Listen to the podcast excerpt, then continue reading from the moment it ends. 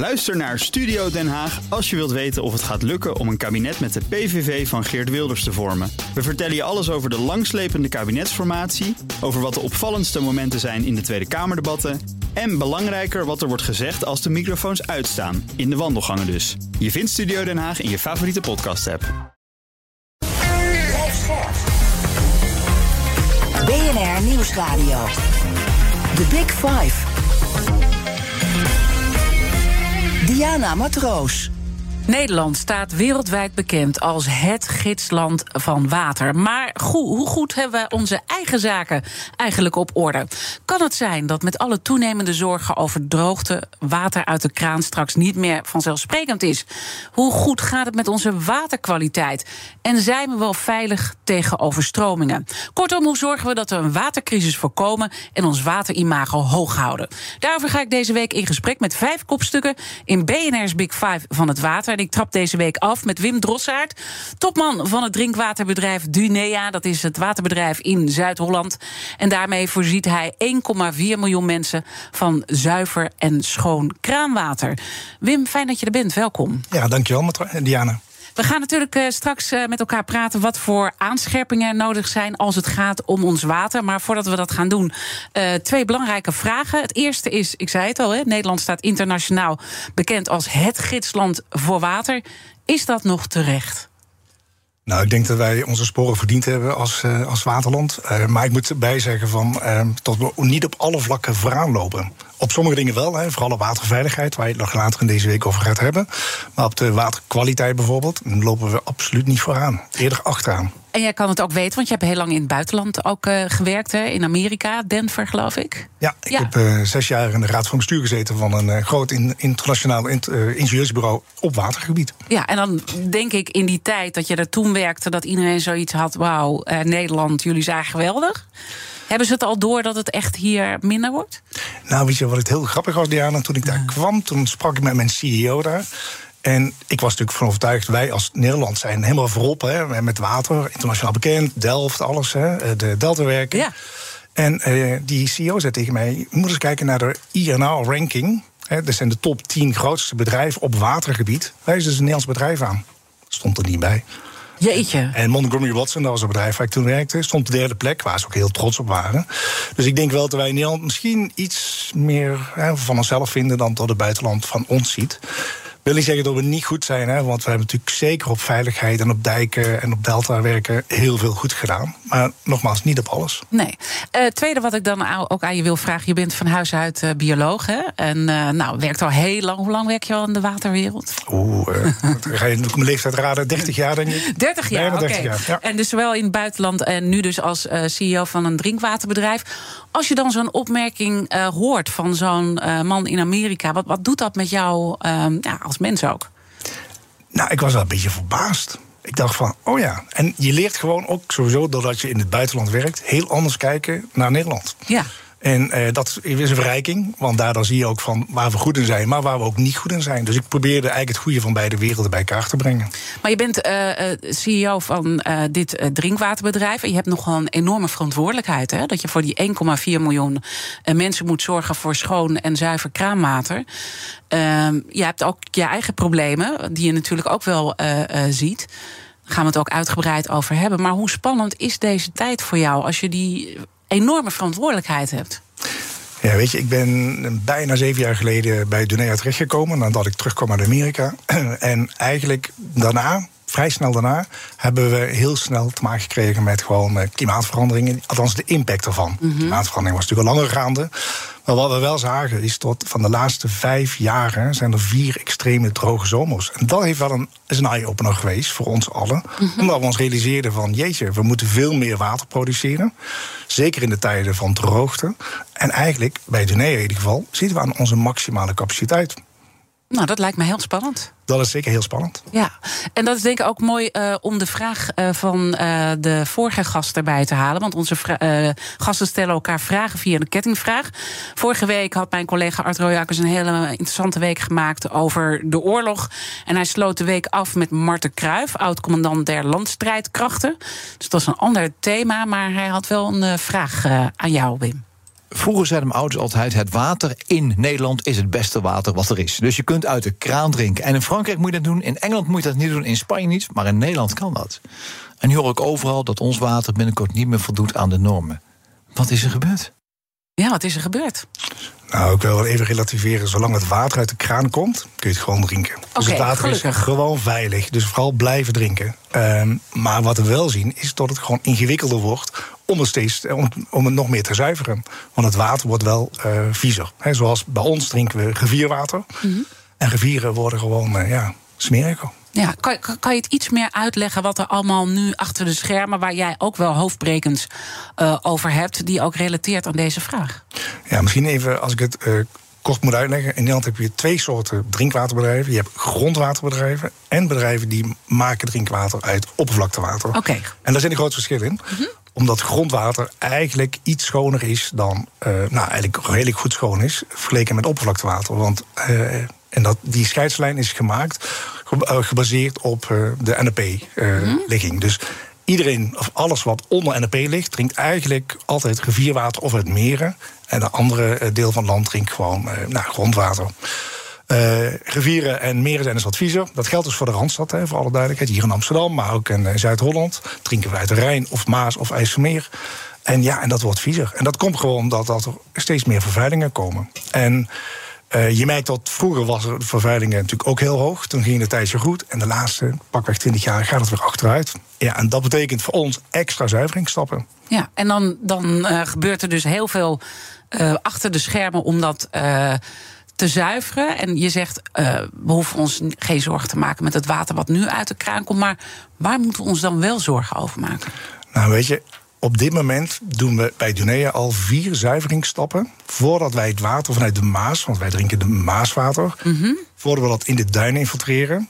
In de duinen is natuurlijk ook een in- zuiveringsproces. En daarna doen we nog vijf stappen om het te zuiveren. En eigenlijk zien we, omdat er allerlei nieuwe opkomende stoffen zijn, dat we aanvullende zuiveringen moeten bouwen. En dat is best wel ingewikkeld. En wat je ziet is, misschien ook omdat we meer weten, dat je ook steeds meer zuiveringen moet gaan bouwen en steeds meer innovatiever moet gaan worden. En soms is het best wel lastig om dat bij te benen. Dus ja, dat is een, dat is een uitdaging. Dat is dus de ene eh, uitdaging. Maar eh, volgens mij de andere uitdaging is de hoeveelheid water die we nog hebben. Want eh, ja, iedereen doet heel makkelijk even die kraan open. Of je nou een douche bent of even een glaasje water neemt uit de kraan. Hoe vanzelfsprekend is dat nog? Ja, die vraag krijg ik heel vaak. Hoe vanzelfsprekend Ja. is het? We hopen altijd dat het vanzelfsprekend blijft. Maar nogmaals, het is best ingewikkeld. Bij ons zitten we dus aan de maximale capaciteit. Dus dat betekent hè, dat wij kunnen zo jaarlijks zo'n 80 miljard liter water produceren. Nou, die gebruik ik ook voor die bijna 1,4 klanten, een miljoen klanten die we hebben.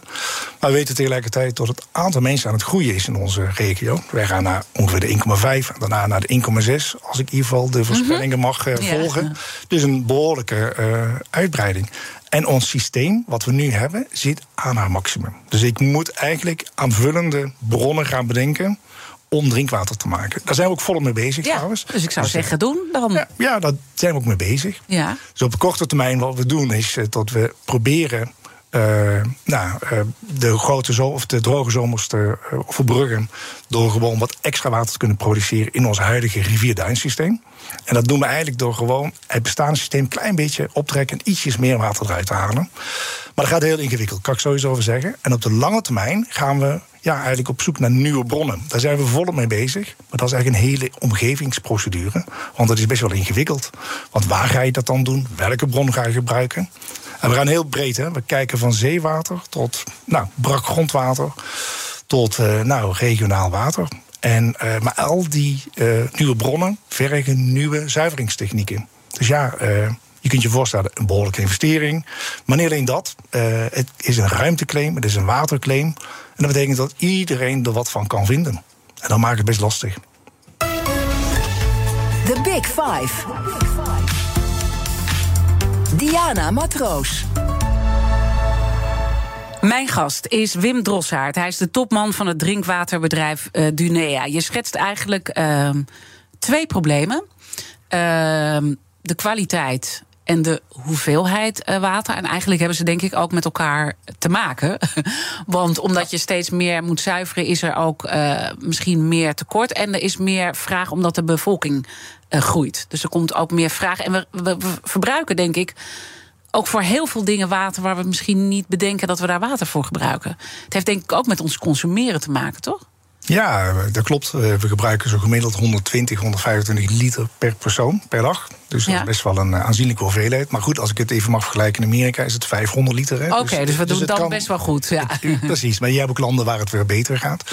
Dus we moeten wel heel goed uh, kritisch kijken naar uh, of we niet wel minder water kunnen doen. Mm -hmm. Maar je hebt ook gelijk uh, tot het een combinatie van problemen is. Hè, want je hebt de waterkwaliteit en de waterhoeveelheid hangen met elkaar samen. Als ik een voorbeeld mag geven, wij drinken dus water uit de Maas in de Maas is uh, nou, in droge tijden natuurlijk heel lang, of, ja, ongeveer drie, vier maanden hele lage waterafvoer. En op dat moment, als dan toch bedrijven lozen, en dat mag, uh, ja, dan is de concentratie aan vervuilingen in de Maas veel hoger. En dat zijn momenten dat wij eigenlijk het water niet meer kunnen innemen, omdat het te vies is. En omdat je dus vaker langere periodes hebt van droogte en dus lagere waterafvoeren, ja, is dat wel echt een, eh, een ding. Ja, dus daar maak ik heel veel zorgen over. Ja, en dan, eh, dan denk ik, nou ja, oké, wat is jouw grootste zorg nu? Nou, dat we dus niet kunnen innemen. En voor ons, en dat is misschien. Innemen, dan moet je even sorry, echt zo'n technische. Sorry, innemen is dat wij dus niet meer water kunnen innemen vanuit de Maas in het Duinsysteem. Ja. En, eh, en als dat niet gaat, dan ga je dus interen op je reserves. En wij hebben ongeveer voor zes weken voorraad en that's it. Dus na zes weken is er uh, gewoon geen water. En dat is wel een zorg. Dus als je ziet dat die vervuilingen toenemen en langdurig toenemen, omdat het ook gecombineerd is met lage afvoeren, ja, dan maak ik wel zorgen. Ja, want wat, wat zou er dan kunnen gebeuren als we een hele hete zomer krijgen dan? Nou, als je dus een hele hete zomer krijgt, vooral een lange zomer, hè, want het gaat niet zozeer om pieken. Hè, een paar dagen 30 graden, geen enkel probleem. Maar als het gewoon heel lang droog is, ja, dan is het waterafvoer heel laag. Concentratie vervuiling heel hoog, kunnen we niet innemen. Nou, dan gaan we interen op onze reserves. En na zes weken ja, hebben we een probleem. En wat we dan gaan krijgen, ja, restricties. Dan gaan we kijken wie er wel water krijgt, wie er geen water krijgt. We gaan eh, nou, allerlei plannen bedenken. Die hebben we overigens natuurlijk al. Maar, Jullie zijn nu uh, noodscenario's, neem wij, zijn, wij bereiden ons voor op allerlei noodscenario's. Ja, dat klopt. Wat is jouw worst case scenario? Nou ja, dat je gewoon niet meer kan leveren. Ik moet er niet aan denken. En we hebben natuurlijk ook een leveringsplicht. Daar zit ook alles op alles in om dat voor elkaar te krijgen. Gelukkig begint dat besef ook wel hè, bij de politiek te komen. De minister heeft laatst een actieplan uh, gepresenteerd hè, om gewoon voor 2030 100 miljoen drinkwater extra te gaan uh, mm-hmm. creëren. Samen met ons natuurlijk en met andere partijen. En dat is ook echt nodig. Ja. Weet je, lastig is namelijk, we zien het op ons afkomen. En we hebben ook oplossingen. Maar we krijgen sommige oplossingen gewoon niet uitgevoerd. Omdat we gewoon verzanden. Als ik kijk naar die korte termijn oplossingen bijvoorbeeld, ja, dan zie ik gewoon dat ik wat zand, eh, waterwinningen kan eh, realiseren in het duinengebied, maar ik krijg geen vergunning. Ik ben op sommige plekken al drie jaar aan het wachten voor een vergunning. Terwijl hè, het werk kunnen we doen. Ja. Maar dat is gewoon, ja. En, en, en dan spreek je uh, natuurlijk ook die mensen vanuit de politiek. Hè? En je zegt het besef uh, nou ja, dringt iets meer door, mag ik dat zo zeggen? Of moet het begint iets meer door te dringen. Ja. Maar ja, ik ga ik refereer heel vaak aan een, aan een Kamerlid die tegen mij ooit een keer zei: van Wim, ik hoor je, ik lees wat je zegt, maar ik voel het niet. daar zit het vaak in. Hè? Omdat het water nog uit de kraan komt, is de urgentie toch op een manier nog niet zo dat men denkt: ik moet nu aan de slag gaan. We vergelijken het wel eens met de energiesector. Hè, die zei natuurlijk ook al vijf, tien jaar geleden... van wij zien een congestie op het net komen als we doorgaan met de verduurzaming... en tot iedereen zelf wat gaat doen. Uh, maar kregen ook hun leidingen niet op, uh, op orde. Kregen ook niet de vergunningen die ze nodig hadden. Kregen ook niet het geld wat ze nodig hadden. En nu zitten we natuurlijk op sommige plekken met een groot probleem. Wij zien precies hetzelfde parallel. Maar toch schijnbaar moet het eerst gebeuren voordat. Dit is toch ongelooflijk? Er moet dus eerst weer gewoon een ramp gebeuren voordat, uh, voordat we hier echt actie gaan ondernemen. Ja, het is, ja, kijk, je ziet natuurlijk wel, wel wat goede intenties nu komen. Hè. Ik hoor steeds vaker van, ik, eh, ik, ik, ja, ik, ik snap wat er gebeurt.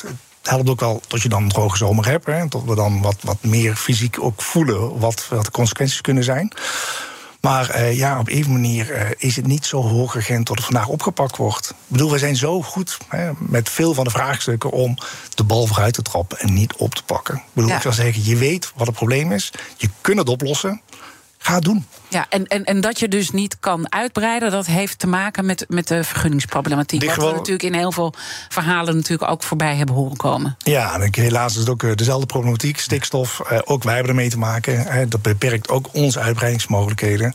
In ons geval we ook nog met natuurgebied. hè, dus we hebben te maken met Natura 2000 gebieden... waardoor je ja, niet zomaar wat kan doen. Wat ik overigens ook wel begrijp, want wij zijn natuurbeheerder... en we willen ook graag voor de natuur zorgen.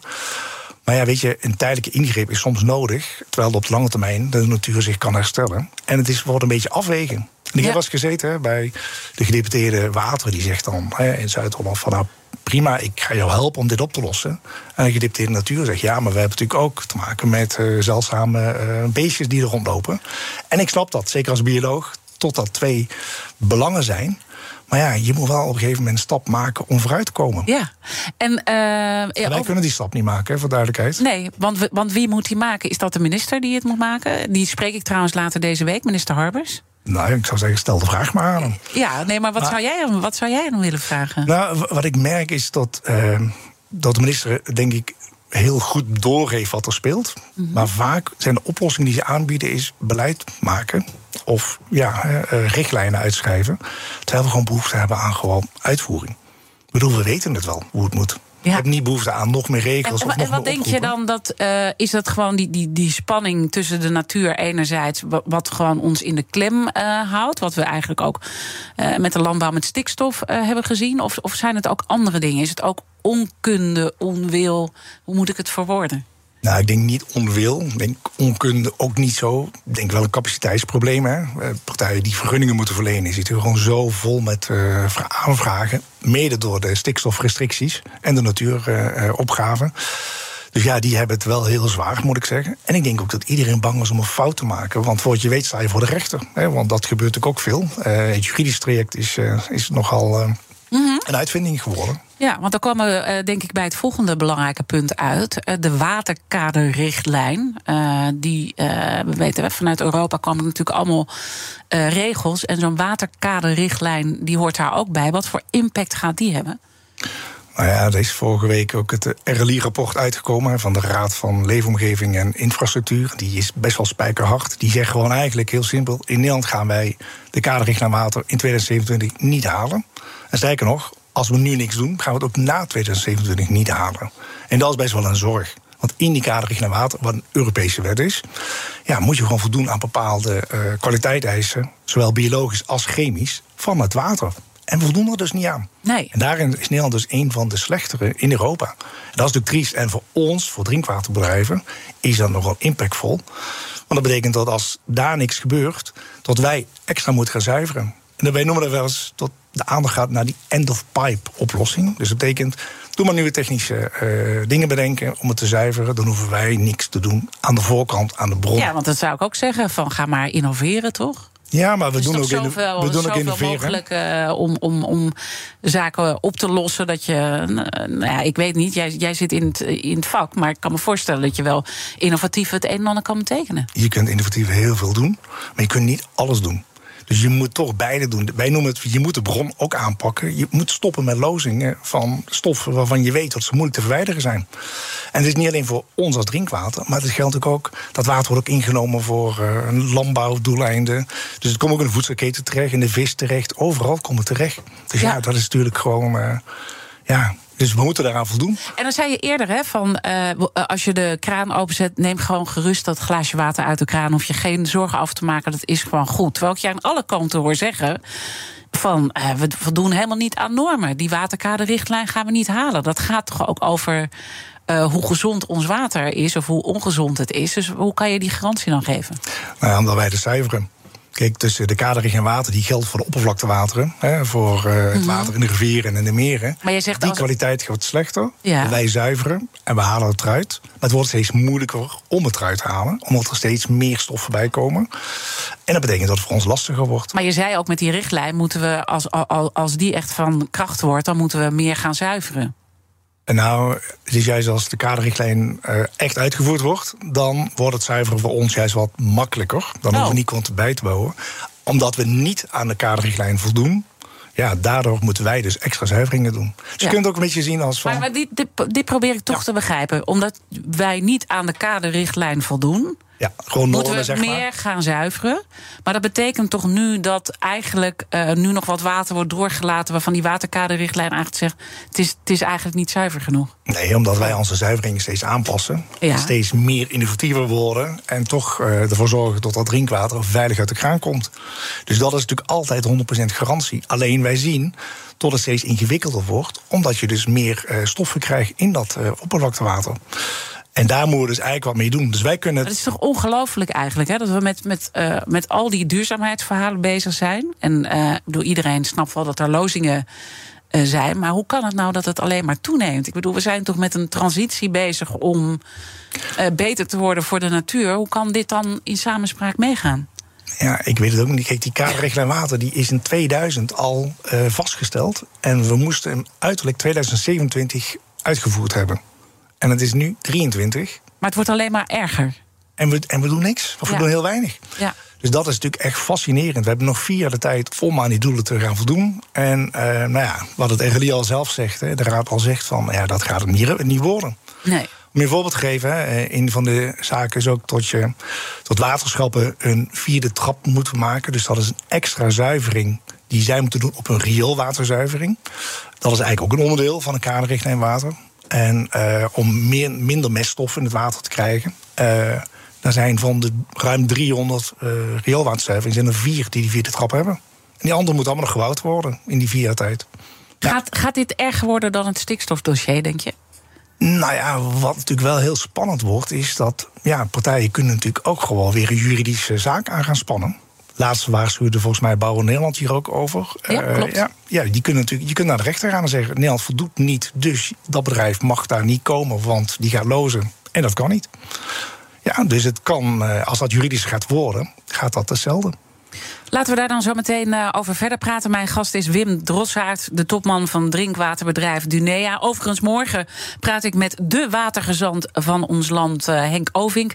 Hij gaat bijna stoppen na acht jaar. Dus hij heeft denk ik heel veel te vertellen ook eh, waarmee hij ons op pad wil sturen. Terwijl hij ook eigenlijk zegt, de crisis met water wordt alleen maar groter. Dat is wel een trieste manier om afscheid te nemen.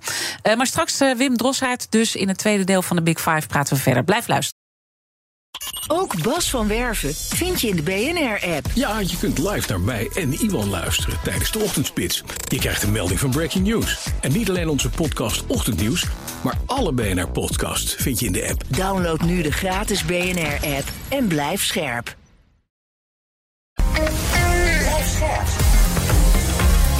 BNR Nieuwsradio. The Big Five. Diana Matroos. Welkom bij het tweede halfuur. Deze week praat ik met vijf kopstukken uit de wereld van het water. Later deze week zal ik spreken met de kerstverse dijkgraaf Joyce Sylvester. voormalig burgemeester en eh, nu eh, sinds een aantal maanden dijkgraaf. En ook eh, met minister Mark Harbers. Mijn gast vandaag is Wim Drossaert. Hij is de topman van drinkwaterbedrijf Dunea. En komend half uur wil ik in ieder geval nog twee onderwerpen met je bespreken. Jouw toekomstvisie als het gaat over waterland Nederland. En ook wat wij daar allemaal als individu aan kunnen doen. Want wij kunnen ook zelf eh, eh, iets doen. En eh, de droge zomermaanden en welke scenario's jullie dan allemaal in, in, in stelling hebben. Maar voordat we dat gaan doen, wil ik eerst nog even met jou afhechten waar we waren gebleven. Eh, namelijk die waterkaderrichtlijnen. Want je hebt eigenlijk een aantal problemen geschetst. We hebben tekorten aan eh, water. De kwaliteit staat eh, onder druk. En nu komt ook nog eens een keer die waterkaderrichtlijn eraan. En misschien om toch nog even die wet uit te leggen. Waar kunnen we die wet nu mee vergelijken qua impact? Dat iedereen echt doordrongen is van de urgentie hiervan. Kijk, de kaderrichtlijn water schrijft gewoon voor dat je in 2027 moet voldoen aan bepaalde chemische en waterkwaliteitseisen. En daar voldoen we niet aan. Dat is het probleem. We hebben daar 27 jaar lang de tijd voor gekregen om dat te doen. We zitten nu op 23, dus nog vier jaar resteren. Maar we denken dat we het niet gaan halen. Eh, en dat zegt ook eh, dat RLI, die Raad van eh, Leefomgeving en Infrastructuur. En wat de consequentie is, ja, kijk, wat op dit moment de minister zegt, of het ministerie zegt, is van wij zorgen ervoor tot in 2027 de maatregelen genoemd zijn. En niet de doelen behaald. Dus eigenlijk is dat een klein beetje, ik vergelijk het wel een klein beetje met de pas discussie die we hadden met toenmalig staatssecretaris Bleker. Die zei van. Als je maar laat aantonen dat je in de toekomst ziet, laat zien tot dan de natuur herstelt, dan hoef je nou nog niet te doen. Dan lijkt het een beetje op. Nou, we weten wat daarvan is gekomen. Ja. Rechtszaken. En daar zit het land mee op slot. Daarom maken we ons ook zorgen. Het gaat niet om maatregelen. Je moet het gewoon halen. Ja. Eh, eh, dus, dus dit is altijd interessant, hè, met woordjes die worden genoemd. Nou, ik ga hem zeker de minister eh, naar vragen deze week. Want ik zag ook ergens een ander artikel, daar stond... ja, hij gebruikt heel vaak het woord als. We gaan het halen als. Dat is natuurlijk ook een soort escape-mogelijkheid die je dan hebt. Eh, maar je vergelijkt het eigenlijk met de pas. eh, Ja, met de natuur. eh, Kijk, toen had je dat, kon je altijd zeggen van, nou, ik mag nu wat doen als ik maar ervoor zorg dat in de toekomst het weer herstelt. Nou ja, en ja, goed, we weten nogmaals wat daarvan is gekomen. En daar moeten we mee oppassen dat dat niet bij de kaderrichtlijn water ook gaat gebeuren. We weten de doelen. Ik denk dat het persoonlijk nog niet te laat is. Ik ga gewoon alles op alles zetten om het toch te realiseren. Het is goed voor ons allemaal.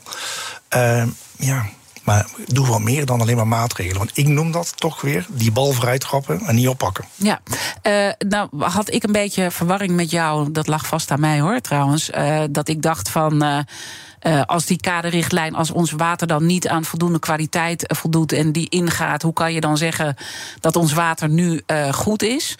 En daar spraken we even over tijdens de break. En toen zei je: eigenlijk is het zo dat wij nu allerlei dingen aan het oplossen zijn die al daarvoor opgelost hadden moeten worden. En daar gaat dit eigenlijk over. Ja, precies. En, en dat is ook een tegenstrijd met die wet. Van die wet zeg juist dat het bij ons makkelijker moet worden. Maar omdat dus daarvoor het niet, eh, de bron niet goed aangepakt wordt, moeten wij die extra zuiveringen doen.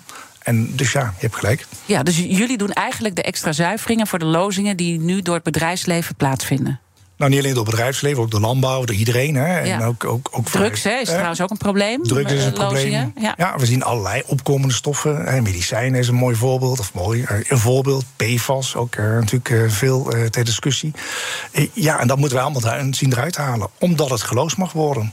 En dat is eh, ja, iets wat ons niet bevalt. En het is ook niet helemaal eerlijk, hè? want eigenlijk betalen jij en ik als waterklant de rekening van de extra zuiveringsinspanning die anderen veroorzaakt hebben. Dus je zou toch zeggen eigenlijk van de vervuiler moet betalen. Ja, ja, en dat gebeurt dus nu eh, niet. En eh, jullie zijn dus continu eh, extra aan het zuiveren om het voor ons nog nou ja, die garantie af te kunnen geven, waar wij dus uiteindelijk voor betalen. En jullie lossen dus eigenlijk een probleem op wat dus aan de voorkant opgelost moet worden. Dan komen we ook een beetje bij die oplossing uit. Eh dan kan ik me voorstellen dat er toch ook een beetje wordt gekeken. Ja, we moeten dit echt wel Europees eh, oplossen. Want eh, PFAS bijvoorbeeld in België wordt er heel veel geloodst. En daar hebben wij ook weer allemaal last van. Dus ja, hoe kunnen wij dit nou oplossen? Nou ja, kijk, voor de bedrijven die dus oppervlaktewater gebruiken, rivieren, dus zoals Dunea, wij drinken dus uit de Maas, en die stroomt door vijf landen heen. Dus ja, natuurlijk is dat hele stroomgebied belangrijk. En als iemand in België of Frankrijk loost, komt het allemaal hier terecht. Maar ik moet er ook heel eerlijk bij zijn, eh, Diana, en zeggen van eh, wij zijn zelf ook een grote vervuiler. Wij weten gewoon dat er nog 50% meer PFAS bij komt als het water, als de Maas Maastricht binnenkomt. Dus dat betekent dat Nederland ook een lozer is van vervuilingen. Dus natuurlijk moet je het Europees aanpakken. Dat werkt heel goed en dat doen we ook. hè. Ik moet echt complimenten geven aan de minister. Dat heeft hij goed opgepakt. Maar het is niet voldoende. En dat vertel ik ook wel eens aan hem. Dat ik zeg van joh, eh, wij zijn eigenlijk de enige in Europa die dit water drinken. Hè, plus een stukje Vlaanderen trouwens. Zo'n 7 miljoen mensen. Dus ja, wij hebben ook alle baat bij om het zo schoon mogelijk te houden. Ja, en wat zegt hij dan? Ja, dat heb je gelijk in. Ja, maar wat, wat, wat en dan? Dan wordt het heel ingewikkeld. Want dan moet je Europese afspraken maken. Je moet natuurlijk zelf aan de slag gaan. Je moet de lozers gaan opsporen. Je moet de vergunningen gaan controleren. Nou, dan kom je weer in een traject terecht van ingewikkeld, moeilijk. Eh, is het juridisch allemaal wel haalbaar? Eh, nou, en ik merk wel van. Ja, totdat dan misschien een capaciteitsprobleem is. Ik weet het ook eerlijk gezegd niet. Maar het gaat vrij langzaam. Ik merk als wij zelf gaan zoeken, dan kunnen we altijd vrij snel al wat opsporen. hè. Dus je weet al welke bedrijven waarschijnlijk de lozer zijn. Dus ja, je zou gewoon al handhavend kunnen gaan optreden. Ja, en Maar welke bedrijven eh, v- hebben we het dan over? Nou ja, hè, als je specifiek voor PFAS kijkt, eh, alles wat eh, waterafstotend is, eh, wordt van PFAS gemaakt, althans bijna alles. En er zijn genoeg bedrijven eh, die dat lozen. Ja, ik ga geen namen noemen nu. Dat vind je Eh, wel flauw, maar... Dat vind ik flauw, dat doe ik me niet. Maar er zijn er genoeg. Ja, Eh, dus je wil denk ik niet alleen de politiek dan ook aanspreken, maar ook eh, het bedrijfsleven aanspreken. Eh, misschien ook helpt het om wat goede voorbeelden te noemen. Zijn er zaken met bedrijven te doen waarvan je zegt: kijk, dit, dit gaat een beetje de goede kant op en dat helpt ons vooruit? Ja, ik kan wel een voorbeeld noemen. We hebben in het verleden een discussie gehad met de chemische industrie in, in Limburg. Uh, die ook in stofweerloos waren. Dat ging niet om PFAS, dat ging om Perasol. Dat is weer een tijd geleden. Uh, je moet je voorstellen, al die bedrijven brengen hun afvalwater naar een industriële uh, rioolwaterzuivering. Of een afvalwaterzuivering, die maakt dat schoon. En daar hadden ze wat problemen mee. En dat bedrijf, Cytech heet dat bedrijf, die die industriële zuivering deed, ja, loosde dus eigenlijk een stofje in de rivier waar wij niet zo blij mee waren. Inmiddels kan ik je zeggen, na de nodige uh, periode eroverheen, een aantal jaren eroverheen, is tot dat eigenlijk best wel goed gaat. Want je mm -hmm. ziet dat, dat uh, die Cytech eigenlijk heel goed aan het controleren is. Wat voor stoffen krijg ik eigenlijk, of welke afvalstromen krijg ik eigenlijk? Kan ik het wel zuiveren? En als ze dat niet kunnen zuiveren, moeten ze opschalen. Of ze moeten gewoon zeggen, nou, dat accepteer ik niet. Ja, en dat zou denk ik ook goed zijn voor die bedrijven. Want die waterkaderrichtlijn, ja, die gaat er als het goed is komen. Hè. We moeten even zien, want je ziet wel dat er ook vanuit Europa steeds meer weerstand komt. Bijvoorbeeld tegen de Green Deal van uh, Timmermans. Die heeft vandaag een pittig uh, uh, debat krijgt hij. Dus de steun begint wel een beetje af te koven ook daar. Even kijken wat daar uitkomt. maar je zou ook kunnen zeggen, bedrijven moeten ook gaan voorsorteren op die transitie die komt. Want anders kom je uiteindelijk ook zelf in de problemen. Ja, en je ziet ook dus een aantal bedrijven dat ook goed doen. Hè? Dus die zijn ermee bezig. Hetzelfde als met besparingen van water. Je ziet dat sommige bedrijven echt uit zichzelf al bezig zijn van ik moet minder water verbruiken. Ja. Dus je ziet best wel veel bedrijven het goed doen. Niet allemaal natuurlijk. Nee, want als ik even nu een datacenter uh, noem, dan uh, zie ik daar wel wat schrikbarende cijfers qua watergebruik uh, naar voren komen. Ja, gelukkig heb ik die niet in ons gebied. Nee, maar kan je het, kan je het een beetje. Ik, ik kan me deze wel voorstellen. En ik denk dat ik als bij mij zouden aankloppen, zou ik ook zeggen, nou nee, ga ik niet doen. Oh ja? Ja. Omdat? Nou ja, omdat dat, daar heb ik te weinig water voor. Ja, want dan kwam het toch ook wel weer een beetje bij, bij het probleem. En die noodscenario's die jij natuurlijk uh, aan het maken bent. Uh, dat noemde je even. Stel nou dat, dat we nu een hele droge zomer gaan krijgen. Wat, wat, wat, wat gaat er dan gebeuren?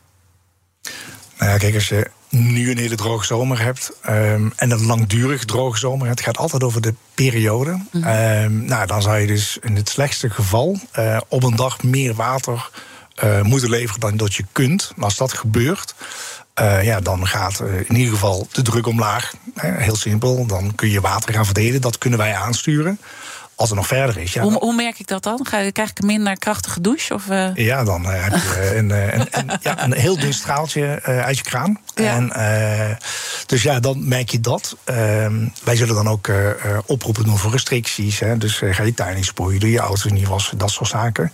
maar ook daar moeten we natuurlijk samen optrekken met de gemeentes of met andere partijen. en het, echt, het uiterste scenario van dat je echt onvoldoende hebt, ja, dan moet ik bij de buren aankloppen van kunnen jullie mij wat geven, kan ik wat inkopen. Maar ja, je zult wel begrijpen dat als wij een probleem hebben, de buren dat ook. Ja. Want het is overal droog. En, uh, nou ja, dus dat zijn wel, uh, ja, daar bereiden we ons wel op voor. Uh, maar we denken nog steeds op dit moment we voldoende hebben voor de komende jaren om uh, ook droge periodes te overwinnen. Maar als we te lang dit doorzetten, mm. dan hebben we dat probleem. Ja, wanneer verwacht jij een probleem dan? Ja, in ieder geval in 2030. Dat ja. hebben we natuurlijk ook zelf met RIVM bevestigd. Dan zie je die, vooral die balans met bevolkingsgroei plus langere droge periodes. Ja, dat evenwicht gaat dan fout. En ja. dan hebben we echt tekorten. Maar toch, hè, als je dan uh, nu even kijkt. Ik geloof dat, uh, dat april weer de natste maand was. Uh, nou, ik, ik heb even de cijfers niet meer paraat. Oh ja, ja, ik zie het hier.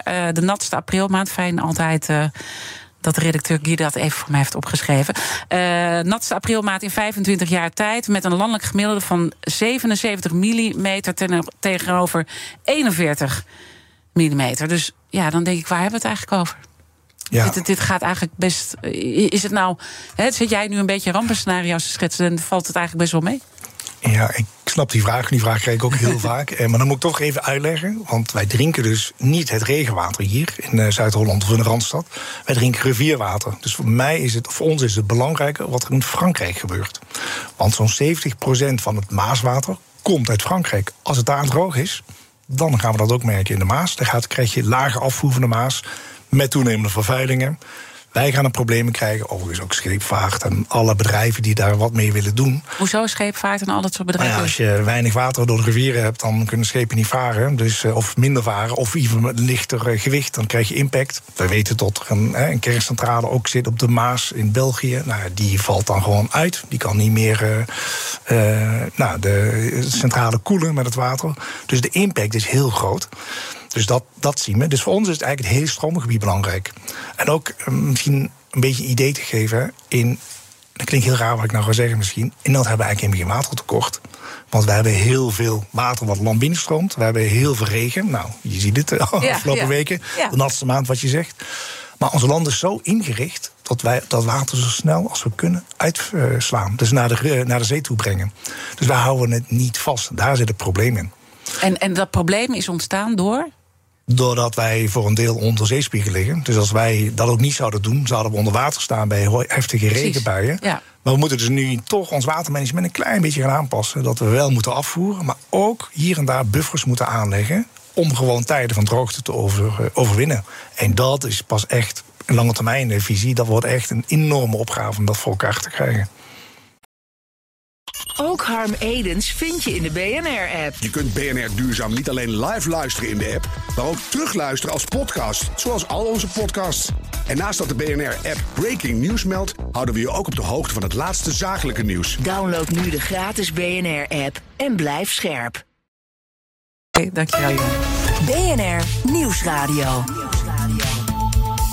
The Big Five. Diana Matroos.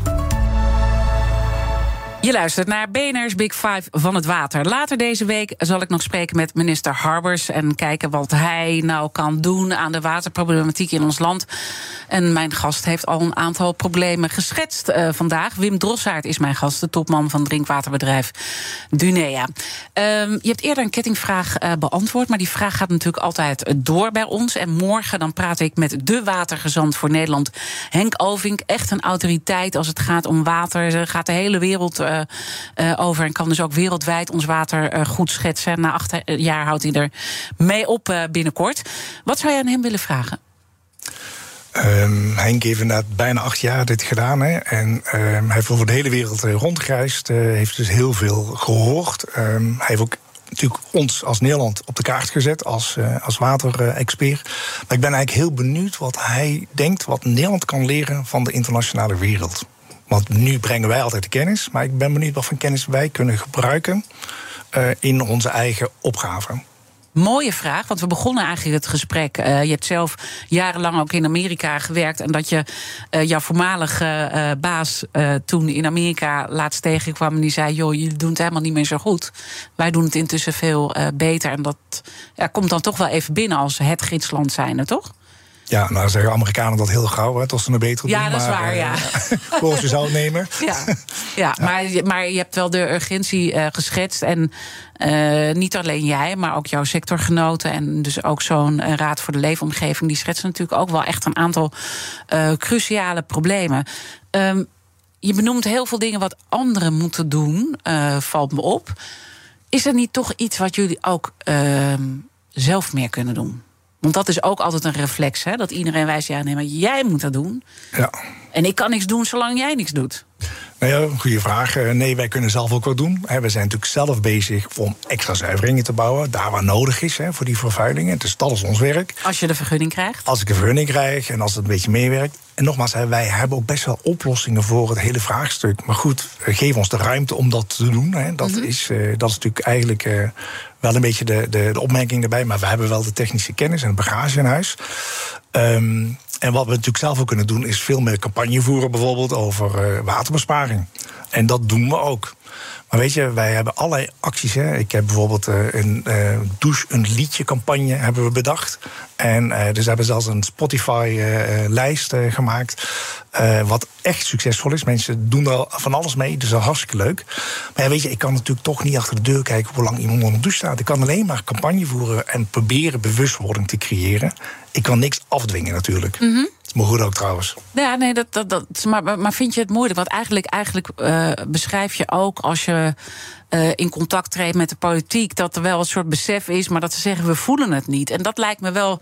Hè, dus je bent eigenlijk een soort roepen in de woestijn, jongens. eh, stop met die lozingen. zie die waterkaderrichtlijn. Zie het probleem. regel die vergunningen. Douche minder. Maar er gebeurt niet zoveel. Nee, ja, dus je moet blijven herhalen en herhalen. ja, helaas om te zeggen. Maar kijk, ik kan niet een, eh, een lozing stoppen. Ik bedoel, wat Nee. dat betreft eh, ga ik daar gewoon niet over. Het enige wat we zouden kunnen gaan doen... is daar zelf een zaak over spannen, aanspannen. Een rechtszaak of iets dergelijks. Wat we wel eens in het verleden gedaan hebben.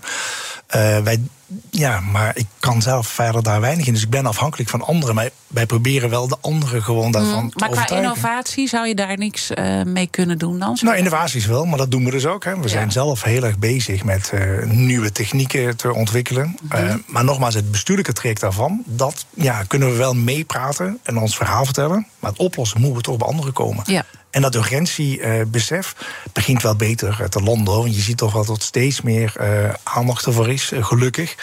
Ehm, en, ehm, dus ja, ik, ik ben wel positief hoor. Ik denk wel dat het uiteindelijk eh, ehm, iedereen wel aan de slag gaat. Ik hoop alleen niet dat het pas 5 voor 12 gebeurt. Hè, dat het gewoon op tijd begint. Ja, en dat je op een gegeven moment die kraan open doet en dat daar drup, drup, drup. Nee, dat wil je dus voorkomen. Ja. En eh, wat weet je wat vaak mensen niet begrijpen, is dat het is best complex hè, eh, om het water te maken. En als het op is, hè, of als er niks meer uit die kraan komt, of als die drup drup komt, zoals je het zegt, dan is je niet de dag erna gefixt. Nee. Het kost gewoon best wel lang tijd voordat je iets gebouwd hebt, voordat je de processen op gang hebt. We moeten natuurlijk alles controleren. Dus voordat wij iets nieuws neerzetten, is het gewoon jaren al zijn we aan het, ja, aan het eh, proefdraaien, om het zo maar te noemen. Ja. Eh, en ook goed, want we willen natuurlijk altijd die 100% kwaliteit kunnen leveren. Dus we hebben wel die tijd nodig. Zijn er nog andere manieren waarop wij kunnen als individu kunnen besparen met water? Want je hebt het over douchen gehad, maar ehm, ik hoor bijvoorbeeld ook bij spijkerbroeken komt heel veel. kleding is echt ook een ding. Hè? Ja, je kunt heel bewust zijn natuurlijk eh, met eh, eh, wat je koopt. Hè, want sommige dingen gebruiken heel veel water. Dat geldt ook voor voedsel. Sommige eten gebruiken heel veel water. Neem de, de avocado, wat natuurlijk hip is. Maar goed, er wordt heel veel water voor verbruikt. Ehm, dus je kunt daar zelf heel bewust mee omgaan. Ehm, nou ja, de douche heb ik genoemd. Je kunt je tuin niet sproeien. Ik zeg altijd, ik was mijn auto nooit. Dus dat is ook een voorbeeld hè, om eh, te besparen. Maar je kunt allerlei mogelijke manieren bedenken.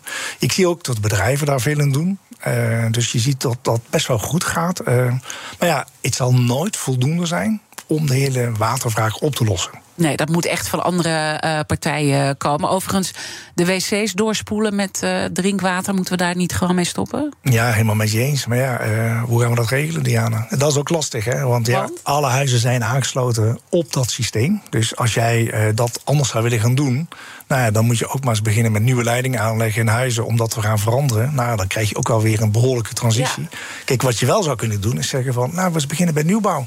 Nou, we daar eens anders gaan doen. Ja, maar daar heb je natuurlijk wel nu een, een belangrijk punt eh, te pakken. Want ook in jouw provincie eh, zijn er natuurlijk ligt er een woonopgave. En met al die problemen die jij hebt geschetst, dat je eigenlijk eh, nu moeite al hebt met de levering en allerlei noodscenario's aan het maken bent, kan je dan nog wel meer huizen erbij gaan bouwen? Met, ja, ik bedoel, qua water hè, heb ik het dan over. Ja, nee, snap ik. Ehm, ja, kijk... Je, Ja, je moet dubbel. wel ja zeggen. Hè? Nou, ik moet ja zeggen. Kijk, ik snap de woningnood. Kijk, in onze provincie Zuid-Holland komen er 250.000. Althans, dat is eh, eh, wat er eh, bedacht is. Alleen als je vraagt aan mij van... kun je die allemaal aansluiten op water? Is het antwoord nee, niet nu. En eh, dus ja, eh, je kunt huizen bouwen, maar zonder die aansluiting, omdat we te weinig water hebben. Ja, zo simpel is het eigenlijk. Maar ben ik, snap ik dat er meer woningen moeten komen? Ja, natuurlijk. Hè, want eh, de woningnood is hoog. Dus dat steun ik ook helemaal. Alleen ik heb wel gezegd, ook aan de politiek... het is fijn als we woningen bouwen, maar probeer ze dan duurzaam aan te leggen. Ga beginnen met waterbesparing. Eh, ga eens kijken hoe je dat waterbeheer doet in nieuwe wijken. Water vasthouden, waterbesparing Ja, doorvoeren. regenton of zo, dat soort dingen. Waar je Regenton, dan, eh, gewoon ja. opnemen, ga het doen. En, weet je, en dat is zo jammer, hè? Dat, dat doen we dan niet. Het gaat dan toch van, nou ja, die woningen moeten er komen. En, Snel, snel, snel. En, snel, snel, snel. En de Ja. verduurzaming, dat doen we naar de hand wel. En dat vind ik gewoon zo zonde. En dat werkt natuurlijk ook niet. Eh, en in alle eerlijkheid moet ik ook zeggen... we roepen 250.000 woningen. Nou ja, je ziet dat het nu al ja, niet zo hard loopt. Hè, dus dat gaan we ook niet redden. Uh, die aantal woningen, door andere regels natuurlijk. Ehm, maar ja, woningen uh, zonder water lijkt me niet zo handig. Lijkt me zeker niet handig. Uh, dank om, dat je hebt geholpen om iets meer inzicht te krijgen in, in die hele wereld. En als ik straks de kraan openzet, dan denk ik toch wel aan dit hele proces ook meer wat erachter zit. Wie weet helpt het om iets korter te douchen. Ik hou wel van lang douchen, moet ik eerlijk bekennen. Ehm, goed, uh, dankjewel Wim Drossaert, de topman van drinkwaterbedrijf Dunea. En alle afleveringen van BNR's Big Five zijn zoals altijd terug te luisteren. Ga naar de favoriete podcast, uh, podcast app van je en dan uh, vind je het allemaal terug. Maar blijf luisteren, zometeen iemand Verrips met BNR breekt over de pensioenen. Super belangrijk onderwerp. Je kan het ook terugluisteren in de podcast. Want we hebben een hele mooie Big Five over gemaakt. Ik wens je een mooie dag. Ook Liesbeth Staats vind je in de BNR-app. Ja, heel handig. Luister live naar Kees en mij tijdens de Daily Move. Dan blijf je ook gelijk op de hoogte van breaking news en het laatste zakelijke nieuws. En daar vind je ook alle BNR-podcasts, waaronder de Perestrooikast. Download nu de gratis BNR-app en blijf scherp.